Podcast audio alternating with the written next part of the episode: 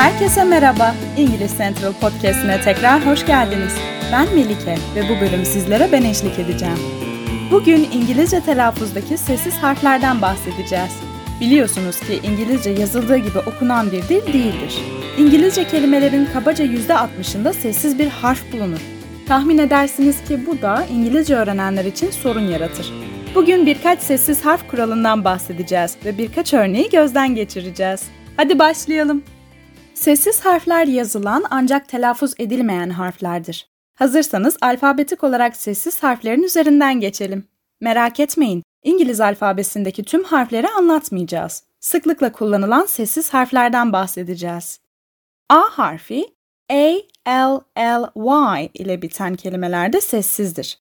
Logically, musically ve physically kelimelerinde olduğu gibi.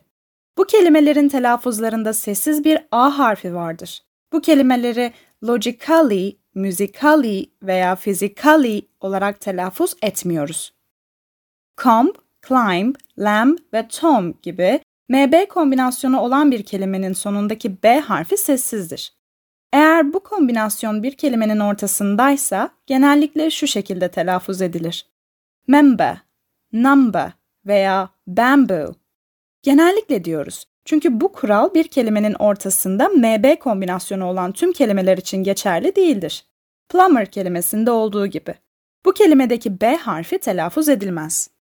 B harfi için başka bir kural daha vardır. Eğer T harfinden önce B harfi varsa B telaffuz edilmez. Örneğin doubt, debt ve subtle. C harfi SC kombinasyonunda her zaman telaffuz edilmez.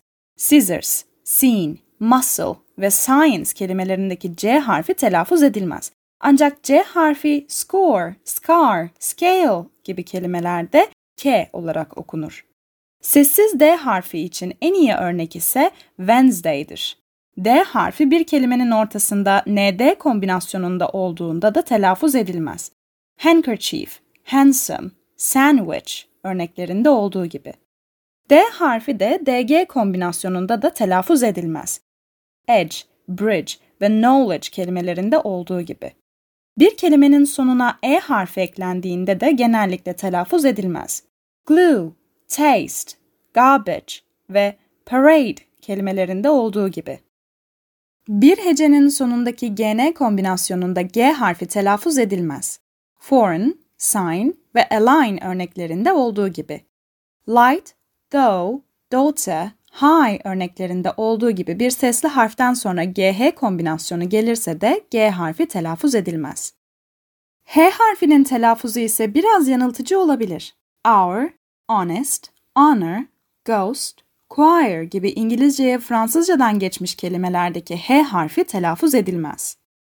Night, knowledge, knock kelimeleri gibi KN ile başlayan kelimelerdeki K harfi de okunmaz. Yani bu kelimeleri kni veya knight olarak okumuyoruz.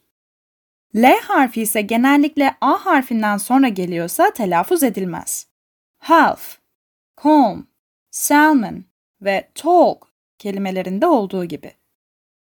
L harfi için başka bir kalıp yoktur. Ancak should, could ve would yardımcı fiillerindeki L harfinin de telaffuz edilmediğini unutmayın. Ancak N harfi için aynı şeyi söyleyemeyiz. Bir kelimenin sonundaki MN kombinasyonunda N harfi sessizdir. Him, autumn, column, dam kelimelerinde olduğu gibi. PN, PS ve PT ile başlayan kelimelerde ise sessiz bir P harfi vardır.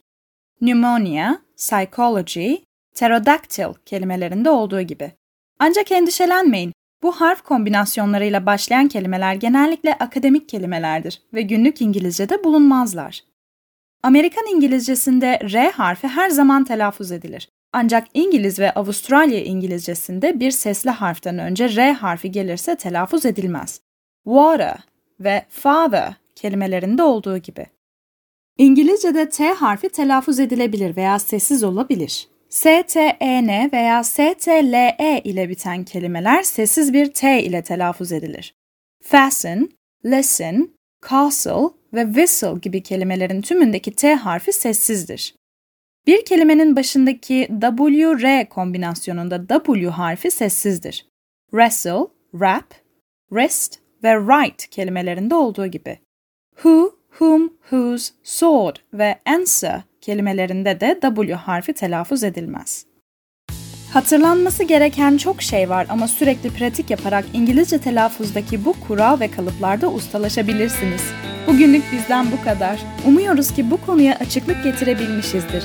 Daha fazla bilgi için www.englishcentral.com adresini ziyaret edebilir veya İngiliz Central uygulamasını indirebilirsiniz. Ayrıca metin kutucuğundaki linke tıklayarak İngiliz Central'a ücretsiz bir şekilde kayıt olabilir ve 20 binden fazla video içeriğine erişim sağlayabilir ve ücretsiz deneme dersi planlayabilirsiniz. Bu bölümü beğendiyseniz bizi oynatma listenize eklemeyi ve bölümlerinize kaydetmeyi unutmayın. Dinlediğiniz için teşekkür ederiz. Tekrar konuşmak üzere.